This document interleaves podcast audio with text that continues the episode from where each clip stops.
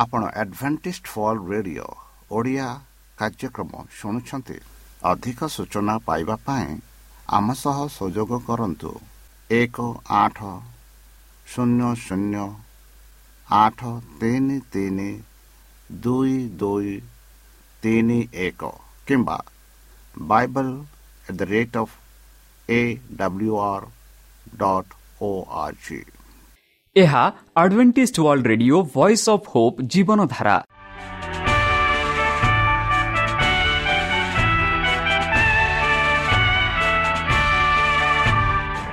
Odia radio କାର୍ଯ୍ୟକ୍ରମ ଯାହା ଆମର ଆନ୍ତର୍ଜାତୀୟ ଆଘାତ କେନ୍ଦ୍ରରୁ ପ୍ରସାରଣ କରାଯାଉଛି ପ୍ରତିଦିନ ରାତି ନଅଟା ତିରିଶ ମିନିଟ୍ରେ।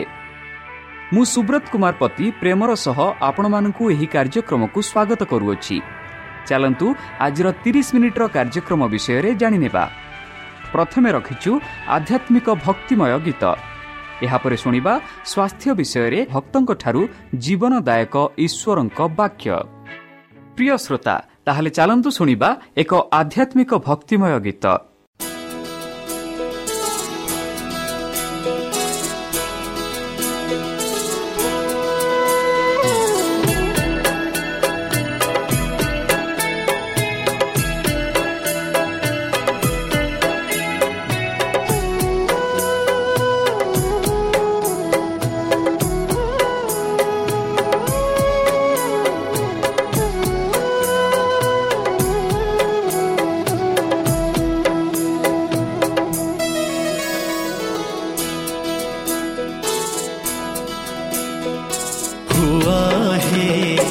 सहाय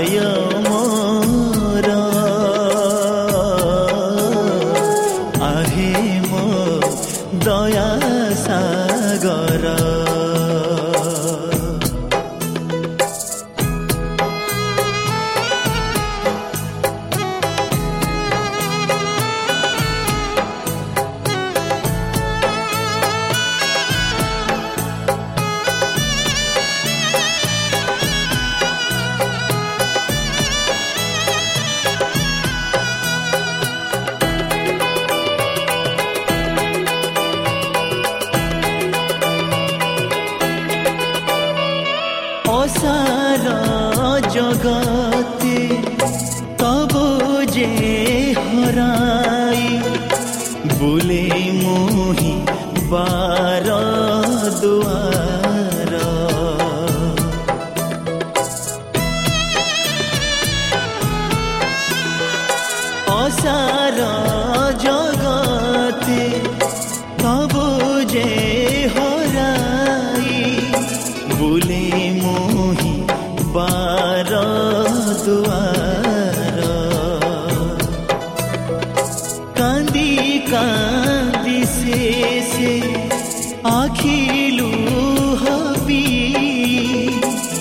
काटे दी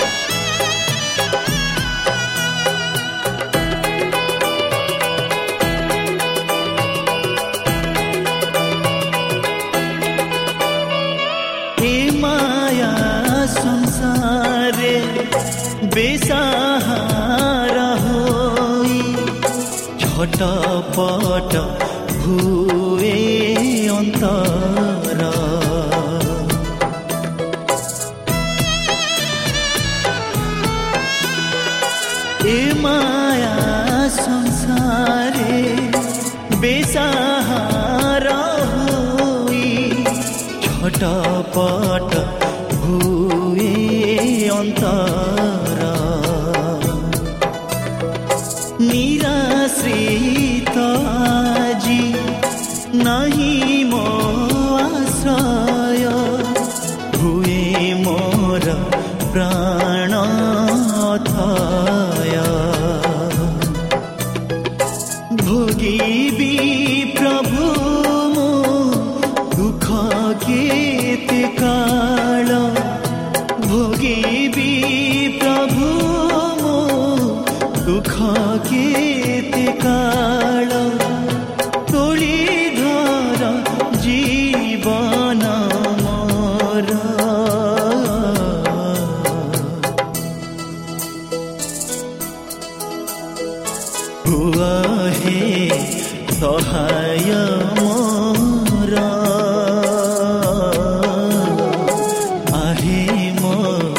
ଦୟା ସାଗର ହୁଅ ହେ ସହାୟ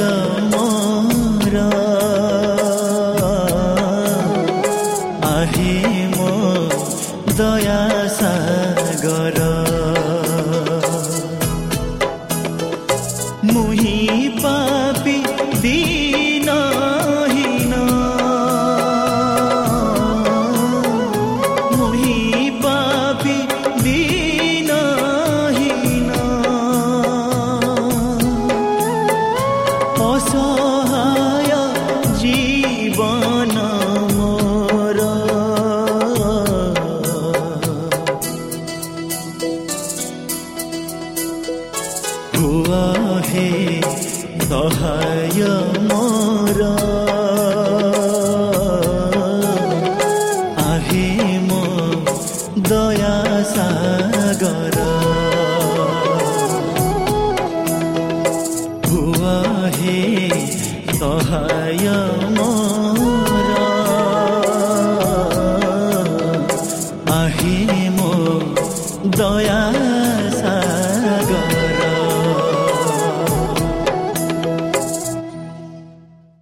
ଆମ ଠିକଣା Adventist media centre SDA mission compound Salisbury Park Pune ଚାରି ଏକ ଏକ ଶୂନ ତିନି ସାତ ମହାରାଷ୍ଟ୍ର ବା ଖୋଲନ୍ତୁ ଆମର ୱେବସାଇଟ୍ ଯେକୌଣସି Android phone smartphone desktop laptop କିମ୍ବା ଟ୍ୟାବ୍ଲେଟ୍ ଆମର website W W W dot A W R dot O R G slash O R I ବର୍ତ୍ତମାନ ଚାଲନ୍ତୁ ଶୁଣିବା ଈଶ୍ୱରଙ୍କ ଭକ୍ତଙ୍କଠାରୁ ଈଶ୍ୱରଙ୍କ ଜୀବନଦାୟକ ବାକ୍ୟ ଶୈତାନ ନର୍ଖର ଅଧୀନରେ ଅଛି କି ଭାଗ ଏକ।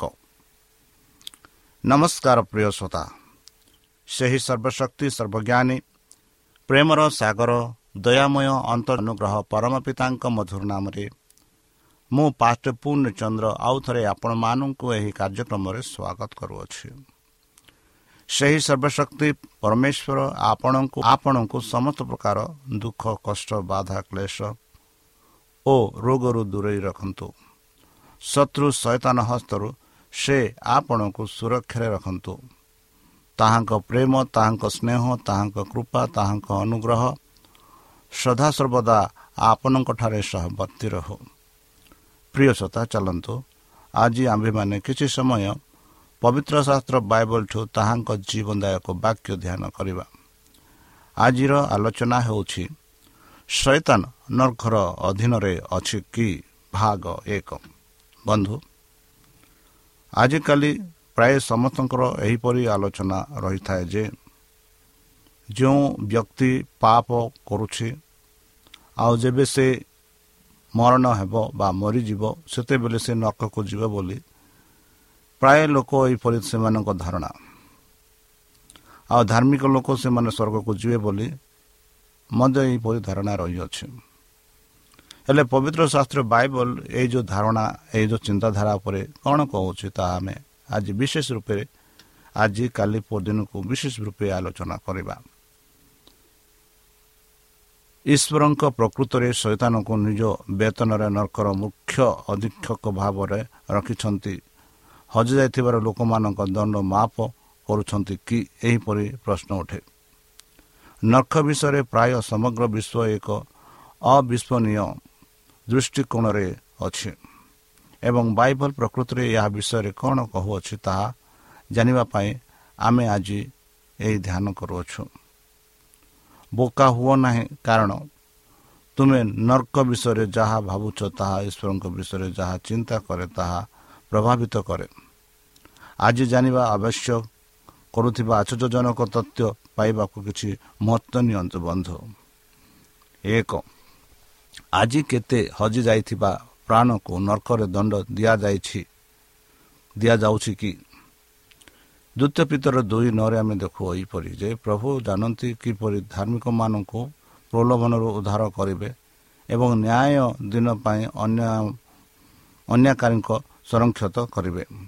ଏଠି ଆମେ ପାଉଅଛୁ କି ଧାର୍ମିକ ଲୋକମାନଙ୍କ ପ୍ରଲୋଭନରୁ ପରମେଶ୍ୱର ସେମାନଙ୍କୁ ଉଦ୍ଧାର କରିବେ।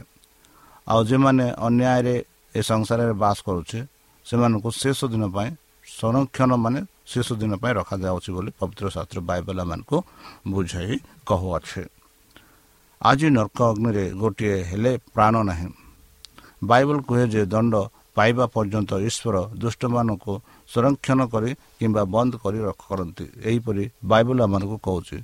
ଏହିପରି କହୁଛି ଯେପରି ଆମ ଆମମାନଙ୍କ ଧାରଣା ଯେ କି ଯେବେ ପାପୀ ଲୋକ ମୃତ୍ୟୁ ହେଲେ ନର୍କକୁ ଯିବ ତାହା ଆମମାନଙ୍କୁ କହୁନାହିଁ। ସଂରକ୍ଷଣରେ ସମସ୍ତଙ୍କୁ ରଖିଛନ୍ତି ଯେପରିକି ଶେଷ ଦିନରେ ସେମାନଙ୍କୁ ଦଣ୍ଡ ଦିଆଯିବ। ତାହେଲେ ହଜିଯାଇଥିବା ଲୋକଙ୍କୁ କେବେ ନର୍କରେ ପକାଯିବ? ଆମେ ଯେବେ ବର୍ତ୍ତମାନ ଆଲୋଚନା କରୁ ସେମାନଙ୍କୁ ସଂରକ୍ଷିତ କରାଯାଇଛି। ତେବେ ସେମାନଙ୍କୁ କେବେ ଦଣ୍ଡ ଦିଆଯିବ? ଯେପରି ଆମେ ଦେଖୁଛୁ ମାଥ୍ୟୁ ତାର ତେର ଚାଳିଶ ଟୁ ବୟାଳିଶ। ସେଠି ମାଥ୍ୟୁ ଏପରି ଲେଖନ୍ତି ଯେ ଏହି ଯୁଗର ଶେଷରେ ହେବା ମନୁଷ୍ୟମାନଙ୍କ ପୁତ୍ର ତାଙ୍କର ଦୂତମାନଙ୍କୁ ପଠାଇବେ ଏବଂ ସେମାନେ ତାଙ୍କ ରାଜ୍ୟରୁ ସମସ୍ତ ଅପମାନିତ କରୁଥିବା ଲୋକମାନଙ୍କୁ ସଂଗ୍ରହ କରିବେ ଏବଂ ସେମାନେ ଯେଉଁମାନେ ଅନୈତିକ କାର୍ଯ୍ୟ କରନ୍ତି ଏବଂ ସେମାନଙ୍କୁ ଅଗ୍ନି ଚୁଲିରେ ନିପେକ୍ଷ ପକାଇବେ ଅଗ୍ନି ଚୁଲିରେ ନିପେକ୍ଷ କରିବେ ବୋଲି ମାଥୁ ତାର ତେର ଚାଳିଶ ଟୁ ବୟାଳିଶ ଆମେ ଦେଖୁଛୁ। ସେହିପରି ଜହନ ବାର ଅଡ଼ଚାଳିଶରେ ଜହନ କହନ୍ତି କି ମୁଁ କହୁଥିବା ବାକ୍ୟ ତାଙ୍କୁ ଶେଷ ଦିନରେ ବିଚାର କରିବ। ମାନେ ଏମାନେ ଯେତେ ଲୋକ ପାପ କରୁଛନ୍ତି ଆଉ ସେ ପାପୀମାନଙ୍କୁ ଶେଷ ଦିନରେ ବିଚାର କରାଯିବ ବୋଲି ପବିତ୍ର ଶାସ୍ତ୍ର ବାଇବଲ ମାନଙ୍କୁ ସ୍ପଷ୍ଟ ରୂପେ କହୁଛି। ସେମାନଙ୍କୁ ସେହି ସମୟରେ ନର୍କକୁ ଫିଙ୍ଗାଯିବ ବା ନର୍କରେ ଅଛନ୍ତି ବୋଲି ବାଇବଲ ମାନଙ୍କୁ କହୁନାହିଁ। ମାତ୍ର ବାଇବଲ ମାନଙ୍କୁ କହୁଛି ଯେ ଯେତେ ଲୋକ ପାପ କରୁଛନ୍ତି ଆଉ ପାପରେ ସେମାନେ ମୃତ୍ୟୁବରଣ କରୁଛନ୍ତି ସେମାନେ ମଧ୍ୟ ଶେଷ ଦିନରେ ପୁନରୁଦ୍ଧିତ ହେବେ। ଆଉ ସେ ଦିନ ସେହି ସମୟରେ ସେମାନଙ୍କୁ ବିଚାର କରାଯିବ ସେ ବିଚାର ଅନୁସାରେ ସେମାନଙ୍କୁ ଦଣ୍ଡ ଦିଆଯିବ ବୋଲି ପବିତ୍ର ଶାସ୍ତ୍ର ବାଇବଲ ଆମମାନଙ୍କୁ ସ୍ପଷ୍ଟ ରୂପେ କହୁଅଛି। ହଜିଯାଇଥିବା ବ୍ୟକ୍ତିମାନେ ଜଗତର ଶେଷରେ ମହାନ ବିଚାର ନର୍କରେ ନିପେକ୍ଷ ହେବେ ବୋଲି ପବିତ୍ର ଶାସ୍ତ୍ର ସେ ମହାନ ବିଚାର ଶେଷ ଦଣ୍ଡ ଦିଆଯିବ ବୋଲି ଆମେ ପାଉଅଛୁ। ଯେତେବେଳେ ସେମାନେ ମରିବେ ନାହିଁ ସେତେବେଳେ ଯେତେବେଳେ ସେମାନେ ମରିବେ ନାହିଁ ଈଶ୍ୱର ଜଣେ ବ୍ୟକ୍ତିକୁ ଅଗ୍ନିରେ ଦଣ୍ଡ ଦେବେ ନାହିଁ। ଯେପର୍ଯ୍ୟନ୍ତ ତାଙ୍କ ମାମଲାର ବିଚାର କରାଯାଇ ଜଗତର ଶେଷର କୋର୍ଟରେ ନିଷ୍ପତ୍ତି ନିଆଯିବ। ବନ୍ଧୁ ଈଶ୍ୱର କେବେ ହେଲେ ମଣିଷକୁ ସେହି ସମୟରେ ଦଣ୍ଡ ଦିଅନ୍ତି ନାହିଁ। ସବୁ ଶେଷ ଦିନକୁ ରଖିଥାନ୍ତି। ଯେବେକି ସେହି ସମୟରେ ତାଙ୍କ କାର୍ଯ୍ୟ ଅନୁସାରେ ତାଙ୍କ ଜୀବନ ଅନୁସାରେ ବିଚାର କରାଯିବ ଆଉ ସେହି ବିଚାରରେ ଯଦି ସେମାନେ ବାଇବେଲମାନଙ୍କୁ କହୁଅଛି। ଏହା କ'ଣ ବୁଝାଏ ଯେ ଈଶ୍ୱର ଜଣେ ହତ୍ୟାକାରୀକୁ ଫୋଡ଼ି ଦେବେ ଯିଏକି ପାଞ୍ଚ ହଜାର ବର୍ଷ ପୂର୍ବେ ମୃତ୍ୟୁବରଣ କରୁଥିବା ହତ୍ୟାକାରୀ ଅପେକ୍ଷା ବର୍ଷ ପାଞ୍ଚ ହଜାର ବର୍ଷ ଅଧିକ ଯିଏ ଆଜି ମୃତ୍ୟୁବରଣ କରେ ସେ ସମାନ ପାପ ପାଇଁ ସମାନ ଦଣ୍ଡ ପାଇବାକୁ ଯୋଗ୍ୟ। ବନ୍ଧୁ ପାଞ୍ଚ ହଜାର ବର୍ଷ ପୂର୍ବେ ଯେ ମୃତ୍ୟୁବରଣ କରିଅଛି ବର୍ତ୍ତମାନ ଆମ ବାଇବଲ ଅନୁସାରେ ବର୍ତ୍ତମାନ ଆମ ପୃଥିବୀ ଛଅ ହଜାର ବର୍ଷରେ ବିତିଗଲା ଆଉ ଛଅ ହଜାର ବର୍ଷ ପୂର୍ବେ ଯେତେ ଲୋକ ମରଣ ହୋଇଛନ୍ତି ଆଉ ଯିଏକି ବର୍ତ୍ତମାନ ଯେଉଁ ମରଣ ହୁଏ ବର୍ତ୍ତମାନ ଯେ ମରଣ ହୁଏ ଛଅ ହଜାର ବର୍ଷ ସମୟରେ ଯେ ମରଣ ହୋଇଛି ସମସ୍ତଙ୍କୁ ସମାନ ଯେ ହତ୍ୟା କରିଛି ସେ ହତ୍ୟାକାରୀକୁ ଯେଉଁ ଦଣ୍ଡ ଦେବାର ଯୋଗ୍ୟ ସେଇ ଦଣ୍ଡ ବର୍ତ୍ତମାନ ବି ଦିଆଯିବ ଯଦି ଆଜି ମୃତ୍ୟୁବରଣ କରୁଛନ୍ତି ସମାନ ପାପ ପାଇଁ ସମାନ ଦଣ୍ଡ ପାଇବାକୁ ଯୋଗ୍ୟ ବୋଲି ଆଦି ପୁସ୍ତକ ଅଠର ପଚିଶରେ ଆମେ ଦେଖୁଅଛୁ ବନ୍ଧୁ ଉଦ୍ଧାର ହୋଇନଥିବା ମୃତ୍ୟୁ ଲୋକମାନେ କେଉଁଠାରେ ଅଛନ୍ତି ତାହେଲେ? ଯେଉଁ ଲୋକ ଉଦ୍ଧାର ହେଉନାହାନ୍ତି ହୋଇନାହାନ୍ତି ସେମାନେ କେଉଁଠାରେ ଅଛନ୍ତି? ଯେପରିକି ଜହନ ପାଞ୍ଚ ଅଠେଇଶ ଅଣତିରିଶ ଆମେ ଦେଖୁଛୁ କି ଏମିତି ସମୟ ଆସୁଛି ଯେଉଁଥିରେ ସମାଧି ସ୍ଥଳରେ ଥିବା ସମସ୍ତେ ତାଙ୍କ ସ୍ୱର ଶୁଣିବେ। ସମସ୍ତେ ସ୍ଥଳରେ ମାନେ ସମାଧି ଭିତରେ। ଏବଂ ବାହାରକୁ ଆସିବେ ବୋଲି ଆମେ ଦେଖୁଛୁ। ଯେଉଁମାନେ ଭଲ କାମ କରୁଛନ୍ତି ଜୀବନର ପୁନରୁ ପୁନରୁତ୍ଥାନ ପାଇଁ ଏବଂ ଯେଉଁମାନେ ମନ୍ଦ କାର୍ଯ୍ୟ କରିଛନ୍ତି ସେମାନେ ନିନ୍ଦାର ପୁନରୁତ୍ଥାନ ପାଇଁ। ଦେଖନ୍ତୁ ଏଠି ଦୁଇ ପ୍ରକାର ପୁନରୁତ୍ଥାନ ପାଉଛୁ। ଯେଉଁମାନେ ଭଲ କାମ କରିଛନ୍ତି ଯେଉଁମାନେ ଧାର୍ମିକ ରହିଛନ୍ତି ସେମାନଙ୍କୁ ଜୀବନର ପୁନରୁତ୍ଥାନ ପାଇଁ ସେମାନେ ପୁନରୁତ ହେବେ। ଆଉ ଯେଉଁମାନେ ମନ୍ଦ କାର୍ଯ୍ୟ କରିଛନ୍ତି ଭୁଲ କାମ କରିଛନ୍ତି ଈଶ୍ୱରଙ୍କ ବିରୁଦ୍ଧରେ ଯାଇଛନ୍ତି ସେମାନେ ସେମାନଙ୍କ ନିନ୍ଦା ପୁନରୁତ୍ଥାନ ପାଇଁ ସେମାନେ ପୁନରୁଦ୍ଧିତ ହେବେ ବୋଲି ଜହନ ପାଞ୍ଚ ତାର ଅଠେଇଶ ଅଣତିରିଶରେ ଜହନ କହୁଅଛନ୍ତି। ସେପରି ଆଇବ ମଧ୍ୟ କହୁଛନ୍ତି ଏହିପରି ଯେ ଦୁଷ୍ଟମାନେ ବିନାଶ ଦିନ ପର୍ଯ୍ୟନ୍ତ ସଂରକ୍ଷିତ ଅଛନ୍ତି। ଦୁଷ୍ଟମାନେ ଯେତେ ଲୋକ ଦୁଇ ହଜାର ଛଅ ହଜାର ପୂର୍ବେ ପାପ କରିଛନ୍ତି।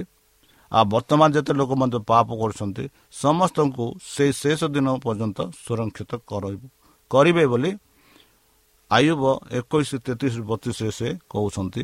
ତଥାପି ସେ କବରକୁ ଅଣାଯିବ ଏବଂ କବରରେ ରହିବ। ସେ କବରରେ ରହିବ ଶେଷ ଦିନ ପର୍ଯ୍ୟନ୍ତ ବୋଲି ଆମେ ଦେଖୁଅଛୁ। ବନ୍ଧୁ ବାଇବଲ ନିର୍ଦ୍ଦିଷ୍ଟ ଅଟେ।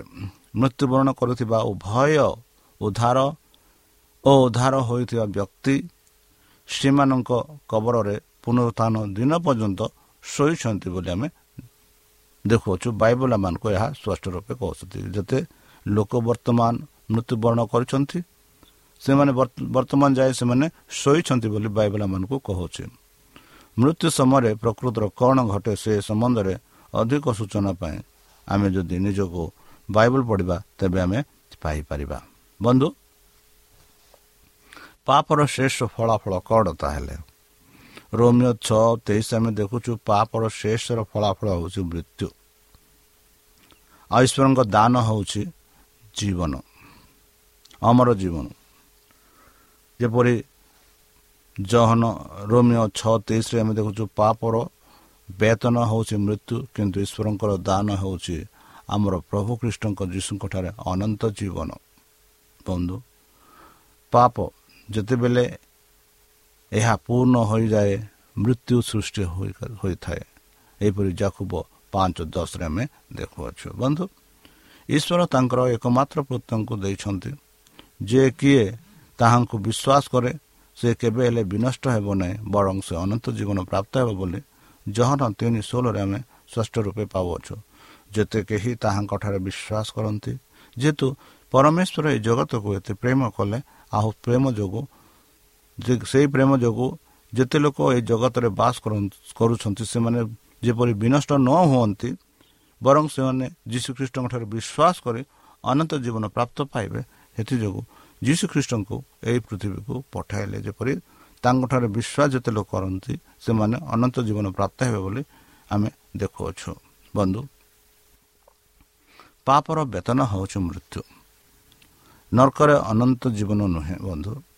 ଦୁଷ୍ଟମାନେ ବିନଷ୍ଟ ହୁଅନ୍ତି କିମ୍ବା ମୃତ୍ୟୁବରଣ କରୁଛନ୍ତି। ଧାର୍ମିକମାନେ ଅନନ୍ତ ଜୀବନ ଗ୍ରହଣ କରନ୍ତି। ବନ୍ଧୁ ଖାଲି ଦୁଇଟା ଜିନିଷ ଆମେ ପାଉଅଛୁ। ଯେତେ ଧାର୍ମିକ ଲୋକମାନେ ସେମାନେ ଅନନ୍ତ ଜୀବନ ମୃତ୍ୟୁ ଅନନ୍ତ ଜୀବନ ପ୍ରାପ୍ତ ହେବେ ଆଉ ସେମାନେ ସ୍ୱର୍ଗ ରାଜ୍ୟରେ ଥିବେ। ଆଉ ଯେତେ ଲୋକ ଦୁଷ୍ଟ କାମ କରୁଛନ୍ତି ଯେତେ ଲୋକ ପ୍ରଭୁଙ୍କ ବିରୁଦ୍ଧରେ ଯାଇଛନ୍ତି ଯେତେ ଲୋକ ପ୍ରଭୁଙ୍କ ଆଜ୍ଞା ମାନୁନାହାନ୍ତି ସେମାନେ ବିନଷ୍ଟ ହୋଇଯିବେ। ବିନଷ୍ଟ ହୋଇଯିବେ ମାନେ କ'ଣ? ଆଉ ସେମାନେ ଅନନ୍ତ ଜୀବନ ପ୍ରକାର ସେ ନର୍କର ଥିବେନି କେବେ ଥିବେନି। ଏହା ଏକ ମନ୍ଦ ଧାରଣା ଭୁଲ ଧାରଣା ଯେ ମଣିଷ ମରିଗଲେ ସେ ନର୍କକୁ ଯିବ। ସେ ନର୍କରୁ ଥିବ ଯେମିତି ହେଲେ ବଞ୍ଚିଥିବ ବୋଲି କହନ୍ତି। ମାତ୍ର ସେଟା ଭୁଲ ଧାରଣା।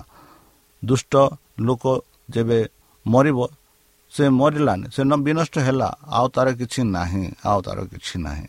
ଯେପରି ଆମେ ଗତ ଦିନରେ ଶୁଣିଛୁ ଶୁଣିଅଛୁ। ବନ୍ଧୁ ତାହେଲେ ନର୍କରେ ଥିବା ଦୁଷ୍ଟମାନଙ୍କ ସହିତ କ'ଣ ହେବ? ଏହିପରି ଯଦି ଆପଣ ପଚାରିବେ ଆମେ ଯଦି ପ୍ରକାଶିତ ବାକ୍ୟ ତାର ଏକୋଇଶ ଆଠ ପଢ଼ୁଆ ଏଠି ଆମେ ଦେଖୁଛୁ ଭୟଭୀତ ଅବିଶ୍ୱାସୀ ଘୃଣ୍ୟ ହତ୍ୟାକାରୀ ଯୌନ ଅନୈତିକତା ଯାଦୁଗର ମୂର୍ତ୍ତି ପୂଜକ ଏବଂ ସମସ୍ତ ମିଥ୍ୟାବାଦୀ ହ୍ରଦରେ ସେମାନଙ୍କ ଅଂଶ ରହିବେ ଯାହା ଅଗ୍ନି ଓ ଗନ୍ଧକ ସହିତ ଜଳିଯାଏ ଯାହା ଦ୍ୱିତୀୟ ମୃତ୍ୟୁ ଅଟେ। ବନ୍ଧୁ କିଏ କିଏ ଏ ନର୍କକୁ ଯାଆନ୍ତି ବନ୍ଧୁ? ଭୟଭୀତ ଭୟଭୀତ ଅବିଶ୍ୱାସୀ ଘୃଣ୍ୟ ହତ୍ୟାକାରୀ ଯୌନ ଅନୈତିକତା ଯାଦୁଗାର ମୂର୍ତ୍ତି ପୂଜକ ଏବଂ ସମସ୍ତ ମିଥ୍ୟାବାଦୀମାନେ ସେମାନେ ସେ ହ୍ରଦ ମାନେ ସେଇ ହ୍ରଦରେ ଅଗ୍ନିର ହ୍ରଦରେ ସେମାନଙ୍କୁ ଫିଙ୍ଗାଯିବ ଆଉ ସେ ଅଗ୍ନି ଓ ଗନ୍ଧକ ସହିତ ଜଳିଯିବେ। ତାହା ହେଉଛି ସେମାନଙ୍କର ଦ୍ୱିତୀୟ ମୃତ୍ୟୁ। ମାନେ ପ୍ରଥମ ମୃତ୍ୟୁ ବର୍ତ୍ତମାନ ଯାହା ହୋଇଛି ସେମାନେ ବର୍ତ୍ତମାନ ସଂରକ୍ଷଣରେ ହୋଇ କବରରେ ଅଛନ୍ତି। ଆଉ ଶେଷ ଦିନରେ ସେମାନେ ଆଉ ଥରେ ପୁନରୁଦ୍ଧିତ ହେବେ ଜୀବନ ପ୍ରାପ୍ତ ହେବେ। ମାତ୍ର ସେଇ ଜୀବନ ସେମାନଙ୍କ ବିଚାର ପାଇଁ। ଯେବେ ସେମାନେ ବିଚାରିତ ତ ହେବେ ଆଉ ଯେବେ ବିଚାର ସମୟରେ ସେମାନେ ଦୋଷୀ ପାଇବେ ତେବେ ସେମାନେ ଏଇ ଯେଉଁ ହ୍ରଦର ସେ ଯେଉଁ ଅଗ୍ନିର ହ୍ରଦରେ ସେମାନଙ୍କୁ ଫିଙ୍ଗାଯିବ ଯେଉଁଠି ସେମାନେ ବିନଷ୍ଟ ହୋଇଯିବେ। ସେମାନେ ଦ୍ୱିତୀୟ ମୃତ୍ୟୁ ହେବେ ଆଉ ସେମାନଙ୍କର ମୃତ୍ୟୁ ନାହିଁ ସେମାନେ ମରିଯିବେ ଆଉ ସେମାନେ ରହିବେନି ସେମାନେ ବିନଷ୍ଟ ହୋଇଯିବେ ଦୁଷ୍ଟମାନେ ଦ୍ୱିତୀୟ ମୃତ୍ୟୁ ନରକରେ ମୃତ୍ୟୁବରଣ କରନ୍ତି ଯଦି ଦୁଷ୍ଟମାନେ ନରକରେ ନିର୍ଯାତିତ ହୋଇ ଚିରଦିନ ବଜିଥାନ୍ତେ ତେବେ ସେମାନେ ଅମର ହୋଇଥାନ୍ତେ କିନ୍ତୁ ଏହା ଅସମ୍ଭବ କାରଣ ବାଇବଲ କହେ ଯେ ଈଶ୍ୱର କେବଳ ଅମରତା ବାଇବଲ ଆମର କହୁଛେ ଈଶ୍ୱର ହିଁ ଅମରତା ପ୍ରଥମ ତିମତି ଛଅ ଷୋହଳ ଯେତେବେଳେ ଆଦମ ଏବଂ ହବା ଏଦନର ବଗିଚାରୁ ବିତାଜିତ ହେଲେ ଜୀବନ ବୃକ୍ଷର ଜଗିବା ପାଇଁ ଜଣେ ଦୂତଙ୍କ ସ୍ପଷ୍ଟ କରାଯାଇଥିଲା ଯାହାଦ୍ୱାରା ପାପୀମାନେ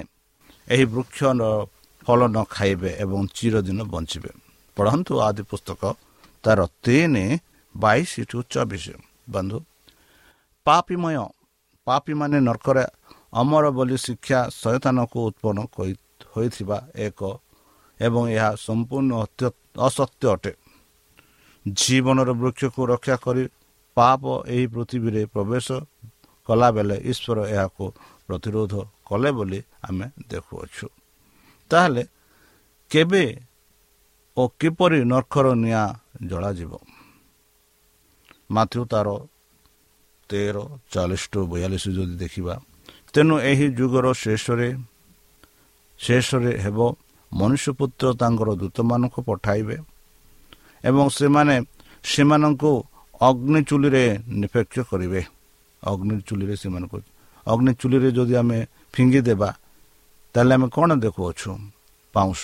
ସେଟା ବିନଷ୍ଟ ହୋଇଯାଏ ପୋଡ଼ିଯାଏ। ସେହିପରି ପାପୀମାନଙ୍କୁ ଘଟିବ ବୋଲି ଆମେ ଦେଖୁଅଛୁ।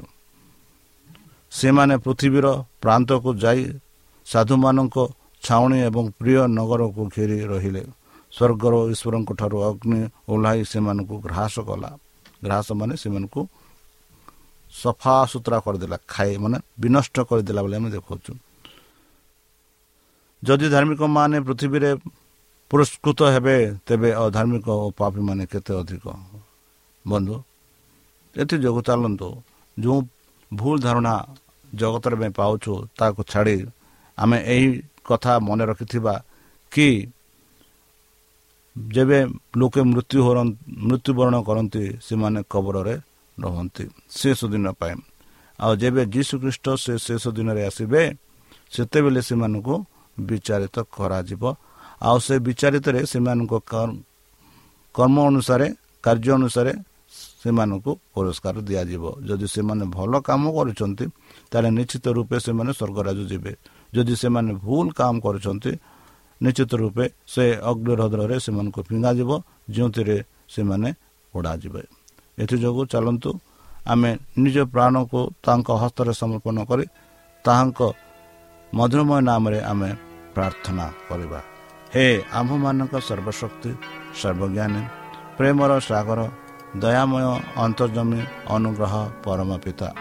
ଧନ୍ୟବାଦ ଅର୍ପଣ କରୁଅଛୁ ପ୍ରଭୁ ବର୍ତ୍ତମାନ ଯେଉଁ ବାକ୍ୟ ତୁମ ଭକ୍ତମାନଙ୍କୁ ଶୁଣାଇଲେ ସେହି ବାକ୍ୟ ଅନୁସାରେ ଏମାନଙ୍କୁ ଚାଲିବା ପାଇଁ ବୁଦ୍ଧିରେ ଜ୍ଞାନରେ ଶକ୍ତିରେ ପରିପୂର୍ଣ୍ଣ କର ଆମ ପାପ ସବୁ ତୁମ ସେହି ବହୁମୂଲ୍ୟ ରକ୍ତରେ ପରିଷ୍କାର ରୂପେ ଧୋଇ ଦିଅ ଆଉ ପରିଶେଷ ଯେବେ ତୁମେ ତୁମ ସେହି ସହସ୍ର ଦୂତଙ୍କ ସହ ଆସିବେ ସେତେବେଳେ ଆମମାନଙ୍କୁ ଏକ ବାସସ୍ଥାନ ଦିଅ ବୋଲି ତ୍ରାଣକର୍ତ୍ତା ପ୍ରଭୁ ଯୀଶୁଙ୍କ ମଧୁରମୟ ନାମରେ ଏହି ଛୋଟ ବିକ୍ଷମ ଅଛି ଶୁଣି ଗ୍ରହଣ କର ଆମେନ୍ প্রিয় শ্রোতা আমি আশা করুଛୁ ଯେ ଆମର କାର୍ଯ୍ୟକ୍ରମ ଆପଣମାନଙ୍କୁ ପସନ୍ଦ ଲାଗୁଥିବ ଆପଣଙ୍କର ମତାମତ ଜଣାଇବା ପାଇଁ ଆମର ଏହି ଠିକଣାରେ ଯୋଗାଯୋଗ କରନ୍ତୁ ଆମ ଠିକଣା advantage media centre S mission compound Salisbury Park Pune ଚାରି ଏକ ଏକ ଶୂନ ତିନି ସାତ ମହାରାଷ୍ଟ୍ର ବା ଖୋଲନ୍ତୁ ଆମର ୱେବସାଇଟ୍ ଯେକୌଣସି Android phone smartphone desktop laptop କିମ୍ବା ଟ୍ୟାବ୍ଲେଟ୍ ଆମର website W W W dot A W R dot O R G slash O R I ଏବଂ W W W dot Advantage Media Centre India dot O R G Advantage Media Centre ଇଣ୍ଡିଆର spelling ହେଉଛି A D V N T I S T M E D I A C N T R E I N D I A অথবা download করন্তু আমার mobile up ଆପଣଙ୍କର mobile play ଷ୍ଟୋରକୁ ଯାଆନ୍ତୁ ଆଉ type କରନ୍ତୁ the Voice of Hope ଆଉ download କରନ୍ତୁ। ଈଶ୍ୱର ଆପଣଙ୍କୁ ଆଶୀର୍ବାଦ କରନ୍ତୁ। ଧନ୍ୟବାଦ।